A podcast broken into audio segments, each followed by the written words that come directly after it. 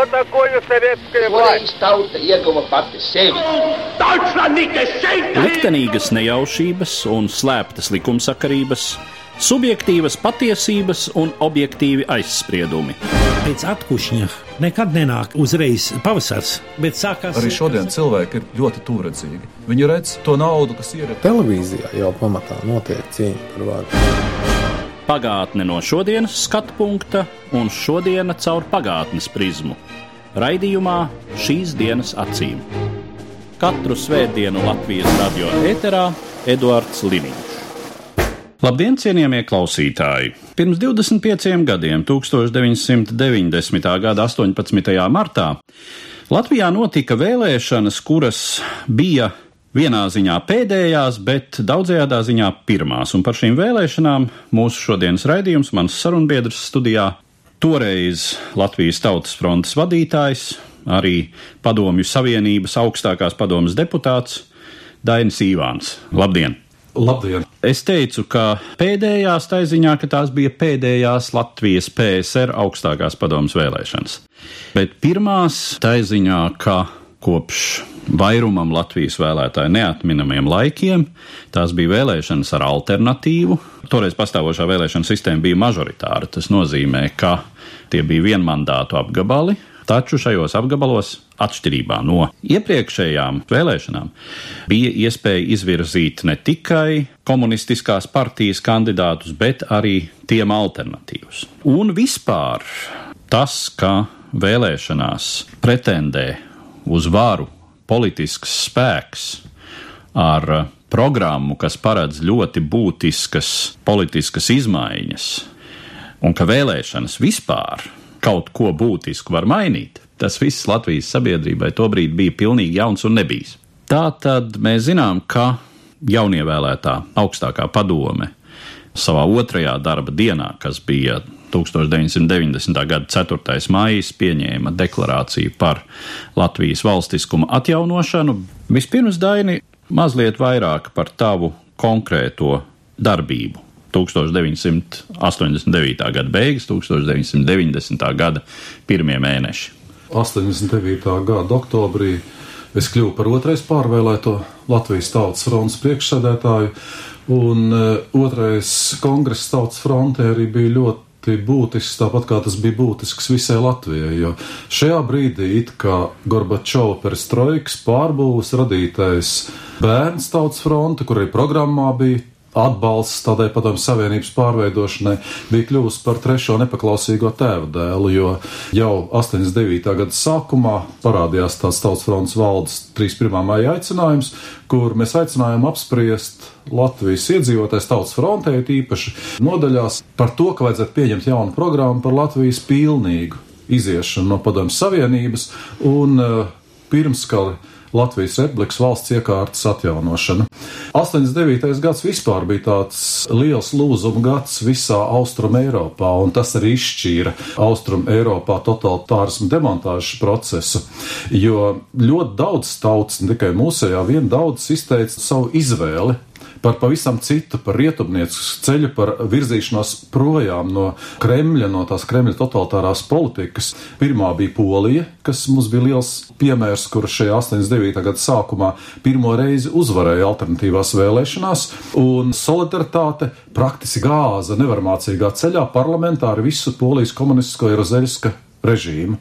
Un Latvijas Tautas fronte bija tā, kas tūlīt pat pieprasīja PSRS toreiz augstākai padomē noteikt arī Latvijā tādas pašas vēlēšanas. To prasīja mūsu valsts locekle Ita Kozakeviča, kur bija ļoti cieši saistīta ar šo poļu sabiedrību, kā poļu biedrības priekšsēdētāju. Kaut arī pirms tam bija dažādi strīdi par to, vai vajag piedalīties šajās vēlēšanās, vai mēs tādā veidā nelegitimizēsim šo okupācijas varu, paši tur it kā piedalīties. Pēc polijas vēlēšanām bija skaidrs, ka tas ir faktiski reālākais un iespējamākais ceļš, kā mēs savus mērķus varētu sasniegt. Tautas frontē bija jau pieredze, jo pirmo parlamentārā ceļa soli mēs bijām spēruši jau 1989. gada martā, kad vēlēja deputātus pēc Estāvas deputātu kongresam. Un šajās vēlēšanās Tautas fronte guva diezgan ievērojumu uzvaru panākums, kas mūs iedvesmoja tālākiem soļiem, jo no 52 no Latvijas ievēlētajiem PSRS tautas deputātu kongresa deputātiem 40 bija tautas fronts kandidāti.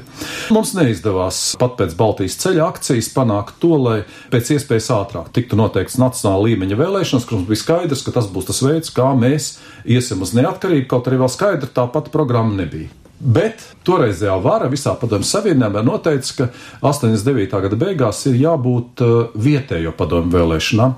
Nu, vietējo padomju vēlēšanas, tāpat kā visas vēlēšanas padomju laikā, bija arī tāda zināma fikcija, bet Gorbačova laiks atkal tur pieļāva tādu alternatīvu.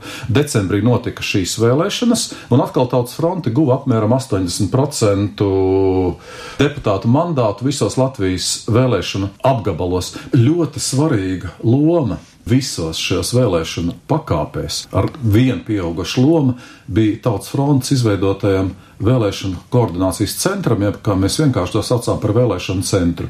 Vispirms jau organizēt PSRS tautas deputātu vēlēšanas, mēs atradām tādus piecus puišus brīvprātīgos, daļa studenti, daļa nāca no dažādiem institūtiem, kuri profesori Ilmāra Vītola vadībā sāka funkcionēt. Tāds pieredzes jau nebija. Vēlēšanas jau nebija vēlēšanas padomju savienībā. Un tad jau pēc šīm PSRS tautas deputātu vēlēšanām mēs sapratām, ka šim vēlēšanu centram jākļūst profesionālam.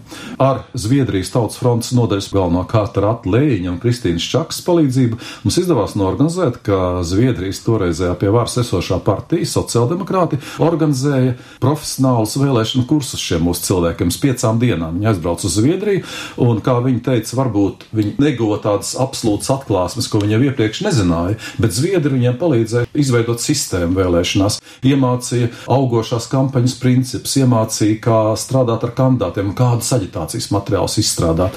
Un tāpēc jau uz vietējo padomu vēlēšanām pilnīgi varēja just Latvijā, ka Latvijas tautas fronts vēlēšana kampaņa ir krietni pārāk tādas profesionālitātes ziņā un varbūt tādā ziņā, ka tā prata uzrunāt un iedarboties vairākus cilvēkiem nekā komunistiskās partijas taktika. Jo komunistiskā partija strādāja pēc vecā principa. Partijas komiteja izvirza, mēs balstam, un viņi nekādīgi nespēja ar mums šai ziņā sacensties.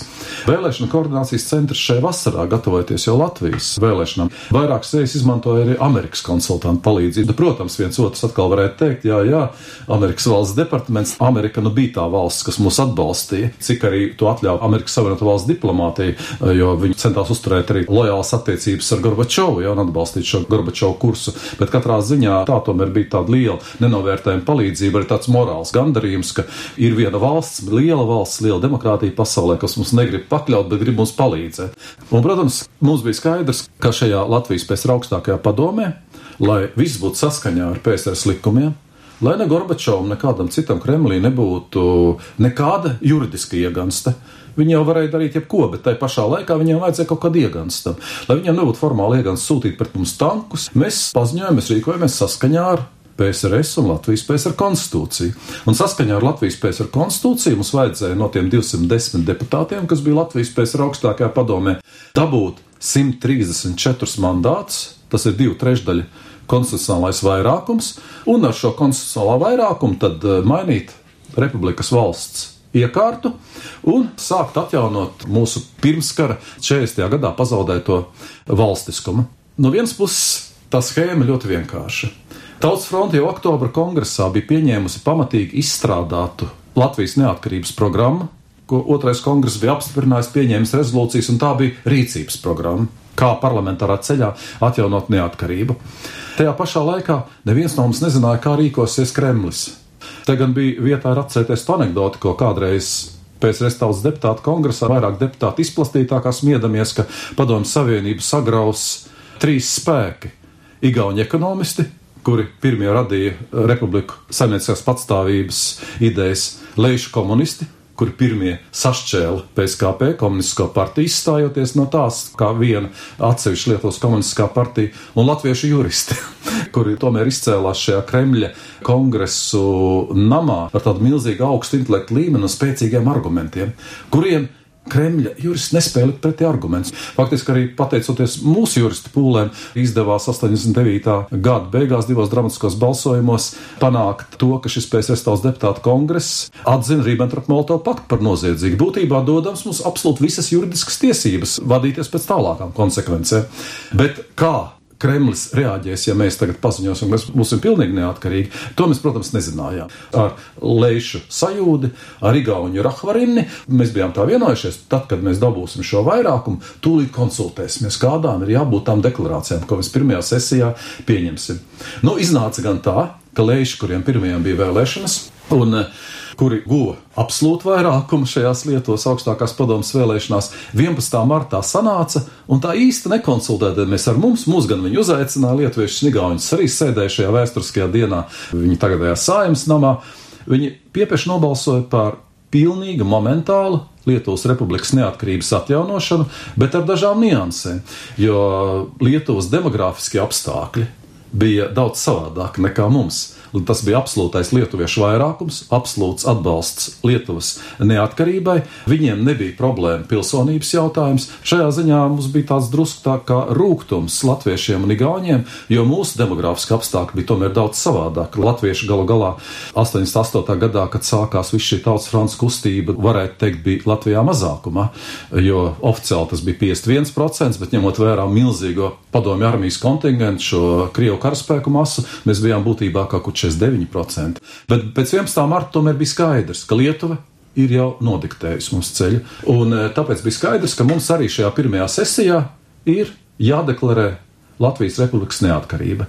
Pēc 11. marta mums kļuva skaidrs, ka viegli nebūs uzvarēt šajā vēlēšana cīņā un dažādu apstākļu dēļ. Pirmkārt, jau sākās momentāli Padomju Savienības Kremļa ekonomiskā blokāde pret Lietuvu. Lietuvai nepiegādāja degvielu, Lietuvai tika pārtrauktas dažādas piegādes rūpniecībai, kas Lietuvā strādāja, un Gorbačovs draudēja lietuviešiem ar tālākām sankcijām, ja viņi neatteiksies no savas neatkarības deklarācijas. 17. martā savukārt kad Latvijas Tautas fronte, lai iedrošinātu Latvijas cilvēkus, ievēlēt deputātus, kuri balsos par neatkarību. Mēs gājām tādā lielā gājienā apkārt vecrīgai, un mums bija tas mītiņš Daugamalā.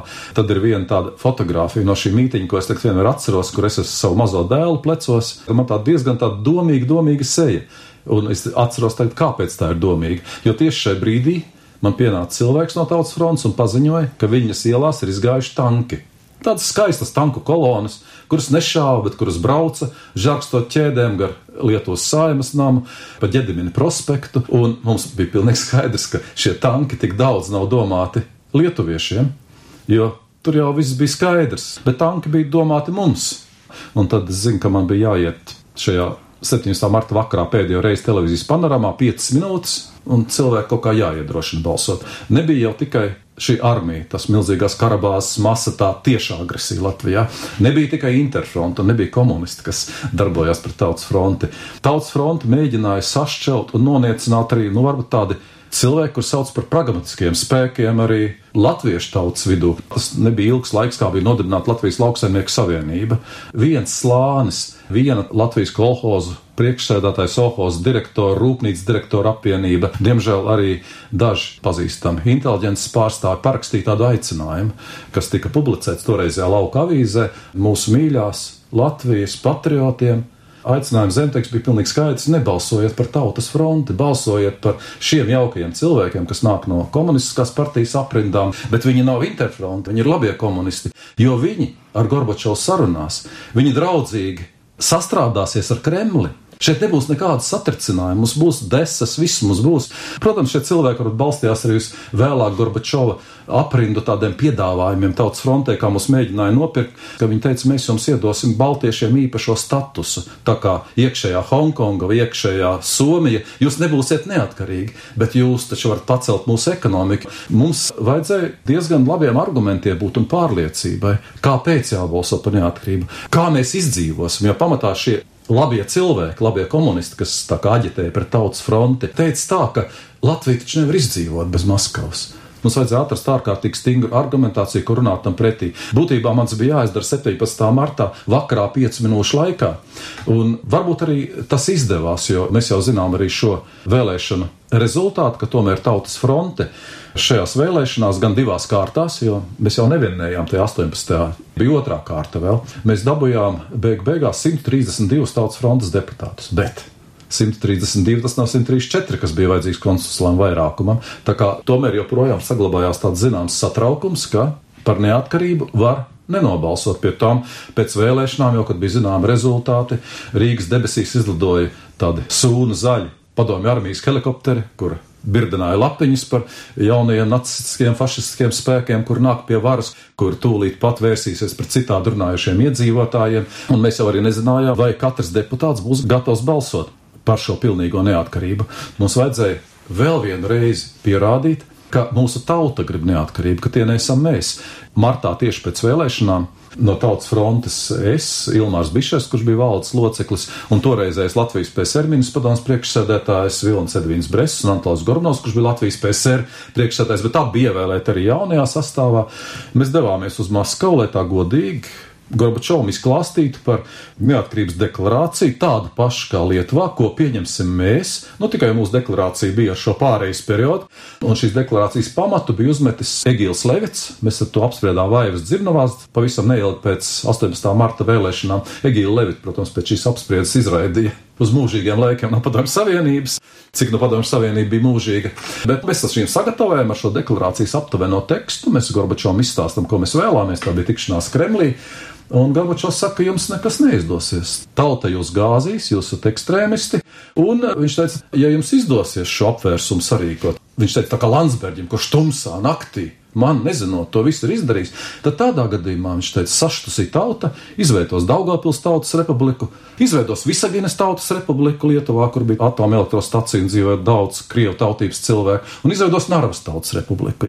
Cik pazīstami vārdi? Jā, jā, jā, es tieši tagad to atceros, tas scenārijs jau nav nekāds jaunais. Tauta pret fašistiem, kas ir veikuši apvērsumu galvaspilsētā jā. pret huntu Pie tām Gorbačovs arī mani brīdināja. Mums tā saruna bija tāda no oficiāla, tur pie tā galda, tajā viņa kabinetā. Viņš bija diezgan stīvs, un Ilmārs Bišers vēlāk tā savās atmiņās ir atcerējies, ka viņam ir bijis sajūta, ka Gorbačovs ļoti labi zinājis, ka arī viņu noklausās. Čeka. Viņš bija kategoriski pret jebkādām sarunām, un viņš tikai draudēja mums. Bet tad, kad mēs izgājām priekšnamiņā, Gorbačovs kaut kā manāmi atdzīvojās. Ne jau viņam pārliecība bija mainījusies, bet viņš runāja daudz brīvāk, un viņš tagad pie mums tā kā dombiedriem mēģināja pielabināties un izdibināt, piemēram, ko ar to Landsbergu darīt. Viņš saka, ja, nu, Ilmārs Bišers saka, nu neko, viņš labāk kļūs par parastu līķi, nevis par politisko līķi. Un tad mums tā saruna bija tāda drusku cilvēciskā, ka viņš teica, un tad jūs paliekat pie sava, un mēs sakām, paliekam pie sava. Un tā viņš pienāca pie manis klāt, kratīja pirkstu, viņš teica, biedri Īvāni, jūs esat spējīgs, jauns, perspektīvs cilvēks, nebojājiet sev dzīvi, viņš teica man uz galda ir viss tas, ko jūs par mums, par mūsu padomu savienību sakāt ārzemēs. Tā, laikam, bija pēdējā reize, kad tikos ar Gorbačovu visā šajā periodā. Ārkārtīgi svarīgi bija tas, ka 18. martā tomēr visa latviešu tauta pati izvēlējās, kādu ceļu mums iet. Un lai neviens, piemēram, pēc šī 18. marta vēlēšanām nesaka, kāds mums brīvību uzdāvināja. Neviens neuzdāvināja. Mums pašiem vajadzēja izvēlēties. Cilvēki nenobijās ne no šo melno pretspēku uzbrukumiem, ne arī no tādu kangaru un puskangaru vilinājumiem bet bija jau arī tādi spēki, kuri uzstāja, ka šīs vēlēšanas ir jāboikotē, jo padomju Latvijas augstākā padome nav tiesīga, nav leģitīma pieņemt tādu lēmumu kā Latvijas Republikas neatkarības atjaunošana. Cik liela bija šo spēku ietekme? Pietiekoši liela. Tas jau mums ļoti labi parādījās 91. gada janvāra barikādēs, kad vispār vai mēs izstāvēsim vai izdzīvosim. Barikāžu vienā pusē nostājās Interfronte, komunisti, padomju armija VDK un barikāžu otrā pusē, pret augstāko padomu un LTF, nostājās tā saucamais pilsoņu kongress, kur aicināja neaizstāvēt augstāko padomu. Šis pilsoņu kongress bija tas, kas aicināja boikotēt šīs vēlēšanas, kas, manuprāt, būtu bijis ļoti liela kļūda. Jo mēs, protams, pieļāvām tādu iespēju, ka, ja no gadījumā mēs nedabūjam šo konstitucionālo vairākumu, nu tad mēģināsim varbūt ar to pilsoņu kopumu kaut kādīgi darīt. Es ļoti šaubos, ka kaut kas būtu izdevies, bet katrā ziņā tur bija cilvēki, kas ļoti aktīvi vērsās pret tautas fronti. Un tas arī mums bija ļoti liels biedrs, jo tā jau katru dārgo balsi, kas nozīmē tautas dzīvību. Šie radikālie cilvēki, liela daļa no viņiem vēlāk izveidoja apvienību Teozemē brīvībai.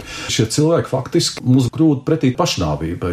Man arī bija tautas frontē kā priekšētēm, drusku ar viņiem sarunas, kad es vienu brīdi jutos tiešām kā čekistu aplenkumā, kad ienāca pie manis un gan arī draudēja pie amatpersonu izvēles. Viņi nāca un man draudēja. Tas arī bija viens ārkārtīgi sarežģīts brīdis, ka mums vajadzēja it kā tos radikālos, it kā pašus godīgākos, it kā pašus fundamentālākos savējos kaut kādīgi neutralizēt. Tu jau piesauci tā brīža demogrāfiskās proporcijas, kuras patiešām bija tādas, kā tu teici, ievērojot to, ka šeit dislocētā padomju armija piedalījās vēlēšanās, neskatoties uz to, ka lielumlielais vairums no viņiem vispār bija Latviju redzējuši lielākoties pāri kara daļas sētai. Jā, pie tam jau tas, ka neviens jau nezināja, cik šo armijas daļu te ir, cik to vēlētāji var Jā. uzrasties vēlēšanu brīdī. Pēc visiem pieejamiem avotiem personāla sastāvs padomju armijas šeit Latvijā ir bijis sākot no 135 līdz 200 tūkstošiem apmēram. Plus vēl ģimenes locekļi. Tur jau arī bija daži tādi kuriozi. Izrādījās, ka ir bijušas dažas karaspēka daļas, sevišķi Rīgā, kur ir vairāk virsnieku. Un pēkšņās virsnieku daļās ir izrādījies, ka ir bijušas kādas balsis par tautas fronti. Un tad tur bija vesels izmeklēšanas, vesels skandāls, kurš ir bijis tā piektā kolona, tas nacionāli nodevējs. Bet tomēr ar ko tu skaidro to, ka salīdzinoši tik liels skaits balsu un ka šis gala iznākums bija tāds, kāds tas bija? Vispirms jau tas ir varbūt veiksmīgais tautas frontes ilglaicīgais darbs, jo Tomēr ir liela daļa nelatviski runājošo iedzīvotāju bija sapratuši, ka kaut kādas pārmaiņas un pozitīvas pārmaiņas var nest tikai tautas fronte, kas strādāja pilnīgi savādāk. Nav noslēpums arī tas, ka gal galā padomju savienībā arī Gorbačovs sākotnēji šajā mēģinājumā kaut kādīgi ja, uzlabot to padomju savienību īstenībā nebija neviena sabiedrotā, neviena, izņemot Baltijas tautu kustības ap Baltijas ceļu laiku mums šie ceļi pilnīgi šķīrās. Bet tomēr tas bija kaut kas, kas varēja nest pārmaiņas. Varbūt to saprat arī vietējie iedzīvotāji. Vispār jau ļoti liela loma, ja runāja par tām vēlēšanām. Tomēr nospēlēja mūsu vēlēšana centrs, tie ārkārtīgi inteliģentie, gudrie, taktiski domājošie puiši, jo viņi bija tie, kas bija tajā pašā mutulī, kuriem vajadzēja gan ar tiem pilsoņu kongresa piekritējiem, kuri mēģināja boikotēt vēlēšanas, gan ar komunistu pusi kaut kādi izlaipot un mēģināt sabalansēt to, lai varbūt tas veselīgākais strāvājums uzvarētu vēlēšana centra vadītājs, kuram es domāju, būtībā visa Latvija jābūt pateicīgai, bija tāds Māris Steins. Viņš tagad ir arī saimas kancelēs vadītājs, jo Viņš prata gan diplomātiju, gan viņš perfekti bija iemācījies visu šo vēlēšanu procedūru. Viņš bija tas, kas piedāvāja komunistiskajai Latvijas pēc augstākajai padomē visu šo vēlēšanu iecirkņu izkārtojumu, jo viņa zināšanas bija pārākas par visiem pārējiem. Un beig beigās viņš izveidoja arī valsts kancelē no nulles. Diemžēl tagad ir arī man pavisam dīvains sajūta, kas te dzird apkārt, ka saimā mēģina viņu atlaist no darba. Bet varbūt pateicoties tieši šim vēlēšanu centram, jo viņi tā kā bija politiski neitrāli. Tad viņi gāja gan tādās autorijās, kur bija pilsoņu aģitatori, kur aicināja cilvēkiem tūlīt pat pamest vēlēšanu izvirzīšanas sapulci, tūlīt pat balsot pret tautas fronti, gan viņi aizgāja arī uz komunistu sapulcēm, kuri teica, nebalsojiet par tautas fronti, balsojiet par mums. Un kaut kā viņi prāt cilvēks pārliecināt, ka tomēr tautas fronti ir mūsu vienīgā cerība. Interesanti jau bija arī, kā vēlēšana centrs prāt sastrādāties ar toreiz Latvijas PSR augstākās padomas priekšsēdi Anatoliju Gorbanovu kurš bija pirmo reizi Latvijas pēc vēsturē vienkārši viens zolīts kultūrāls cilvēks, kurš vadīja to, bet, nu, protams, viņš nāca no nomenklatūras aprindām un ar zināmām bailēm, ko, nu, viņš, protams, neslēpa, jo viņš zināja, kas tā ir par vāru, kur viņš atrodas iekšā. Tas šķiet bija dažas dienas pirms vēlēšanām. Mums vajadzēja publiskot Latvijas Tautas fronts atbalstāmo kandidātu sarakstu. Un šajā sarakstā bija tā kā ar paša piekrišana ar Antolais Gorbanovs, kurš nebija Tautas frontes biedrs, bet mēs sapratām, ka Tauta ir tomēr diezgan pabailīga, varbūt vēl tajā laikā. Viņš bija pietiekami populārs arī, un Tautas fronte uzskatīja, ka viņš varētu būt Tautas fronts atbalstītais kandidāts. Viņš pats piekrita, un viņš ir sarakstā. Jau vakars vēls ir, mums ir jālaiž šie saraksti avīzē. Māris tagad saka, man vajag ar tevi parunāt, un atbrauc uz manu dzīvokli. Es saprotu, kaut kas nopietns. Viņš saka, tu zini, man tikko piezina Anatols Gorbanovs, un lūdza, lai mēs viņu izņemam no šī tautas frontes saraksta. Acīm redzot, uz Antolijas viņa neesmu nekad runājis par to. Tik izdarīts kaut kāds spiediens. Un tad mēs ar Māri tagad sēžam un domājam, ko darīt. Beigās mēs nākam pie tāda secinājuma, nu, zini, Māri, tu varēji līdz manim nenokļūt, es varētu būt izbraucis līdz laukiem, un uh, bez manas saskaņošanas tu neko nevari mainīt sarakstā. Nu, tad Māri, lai paliek, lai tas saraksts aiziet rīt. un lai mūsu augstākās padomus priekšētājs ierauga, ka viņš tur ir toreiz pretī savai gribai. Sīki taktiski gājieni, varbūt tie bija ārkārtīgi svarīgi, jo pateicoties tam arī Kantolis Gorbanovs bija šai sarakstā, viņš arī kļuva par augstākās padomus priekšsēdētāju gal galā kā tautas fronts atbalstītā, un arī viņam tas lika ar vien vairāk nostiprināt šo pārliecību, ka nu, viņam ir jāiet kopā ar visu tautu, jāiet kopā ar tautas fronti, un ka atpakaļ ceļa vienkārši vairs nav. Baltijas tautu kustībām, arī tautas frontei bija spēcīga tribīna izveidojusies pēc Tautas deputātu kongresā, jo uz mums skatījās ar abrīnu lielākoties Lielajā Krievijā sakarīgi cilvēki, jo tad, kad mūsu cilvēki uzstājās Maskavā Kremļa kongresa pilī, tad pēkšņi šie cilvēki ierauga, ka Baltijā nav fašistu, ka ir krietni gudrāki un saprātīgāki cilvēki nekā tie ir šajā Kremļa nometnē. Un tā attieksme pret baltiešu tautas kustībām padomju savienība ar vienu auga. Man šķiet, ka daudz arī cilvēki, nu, teiksim, no tām nelatviskajām aprindām Latvijā, viņi tomēr sajūt arī šo tautas frontes kaut kādu harizmātisko spēku. Un tajā brīdī tā cilvēku masa saprot, ka stiprākā tomēr ir tautas fronte, jo tie ir tie, kas nāks, tā ir nākotne, un tie tur ir pagātne. Jā, es domāju, ka tas līmenis, līdz kādam padomju sistēma sevi bija diskreditējusi. Un ne tikai ļoti nozīmīgi par politiku vai ideiskām kategorijām domājošiem cilvēkiem, bet diskreditējusi kaut vai ar savu nespēju normāli saražot toaletes papīru. Tur jau tā lieta, jā, jo Latvijā arī sākās tā kā Igauni bija avangards imē saimnieciskā aprēķina. Tad Latvija arī ļoti strauji mēģināja pāriet pat Latvijas PSR laikos, jau pāriet uz savu saimniecisko aprēķinu, sāk rasties kooperatīva, breša zemnieki, viss tāds, kas varbūt vēl līdz pat šai dienai nav noticis Krievijā, notika tajā laikā jau šeit. Un cilvēki, kuri bija kaut kāda iniciatīva, kuri vēlējās darboties un vēlējās nopelnīt un paši lemt par sevi, nu šie cilvēki to sajūt, ka tur tā perspektīva tomēr ir. Un nekādas perspektīvas nav tajā vecajā iekārtā, par ko cīnījās Alfreds Rubiks. Noslēdzot mūsu sarunu, šī brīža politiskajā situācijā Latvijā un ap Latviju izskan joprojām tas priekšstats, kā tautas fronte ir šo sabiedrības noskaņojumu par labu neatkarībai panākusi, teiksim tā, mānoties, krāpjoties, un ka tā tad šiem Latvijas nepilsoņiem pirmām kārtām netika viss līdz galam pateikts, un kaut kas tika solīts un netika pildīts. Runājot par šo 1990. gada vēlēšanu procesu, mēs taču varam apgalvot, ka programma atjaunot Latvijas valstiskumu tika pilnīgi atklāti deklarēta pirms vēlēšanām, un nebija nevienam nekādu jautājumu, kas ir tas, ar ko Tautas fronte iet uz vēlēšanām. Pilnīgi nebija, jo pirms eh, šī Latvijas PSR augstākās padomas vēlēšanām tāds sarežģīts jautājums bija, kas tad vēlēs? Jo mēs ļoti labi sapratām šo pilnīgi nenoteiktu armijas skaitu šeit. Iebraucēju skaitu, un tad sākās diskusijas par šo vēlētāju loku. Un jau tautas frontes šajos otrā kongresa dokumentos parādījās rezolūcijas par to, ka mēs ejam parlamentāro vēlēšanu ceļu, mēs izmantojam PSS likumus, vēlē iedzīvotāji, bet skaidri un gaiši tika pateikts, ka pilsoņu kopumu var noteikt tikai atjaunotā valstī, brīvā valstī, bez okupācijas karaspēka klātbūtnes Latvijas republikas pilsoņu kopums. Un es esmu pāršķirstījis un pārskatījis arī visas tautas frontes iepriekšējo programmu, visas rezolūcijas, otrās frontes programmu. Un jāsaka, nu, to dezinformāciju, ka tautas fronte ir kaut ko solījusi, un tautas fronte neko nevarēja solīt. Solīt var tikai brīvas valsts, brīvi pilsoņi, bet līdz šādas brīvas valsts brīviem pilsoņiem mums vienkārši vajadzēja nonākt. Un tas arī bija tas galvenais tautas frontes mērķis. Viss Latvijas pamatā arī šis iedzīvotāju kopums, jā, arī kas balsoja par tautas fronti, viņi balsoja pirmām kārtām par brīvību. Un te ir vēl varbūt skāri, tas ne tik daudz šo pilsoņu loku, bet arī varbūt tādu, nu, vienās daļas iedzīvotāju to skepsi, kas no visām pusēm nāk, gan no komunistiem, gan no tiem pragmatiskajiem, kur gribēja Kremlis atdzīvot. Tad, kad fronte cīnījās par šo neatkarību, kad mēs cerējām uz šo neatkarību, bija viens tāds, manuprāt, pilnīgi aizmirsts. Un pat vēl vairāk, pat brīdi šajās dienās tāds izņirts lozungs, ko es ieraudzīju 89. gada 14. jūnijā no radiomājas komunismu upuru piemiņas mītiņā runājot no balkona, un tur doma laukumā stāvēja cilvēki tūkstoši, un plakāts bija tāda balta auduma, tāda skaista vārda rakstīt kaut pastalās, bet brīvā Latvijā.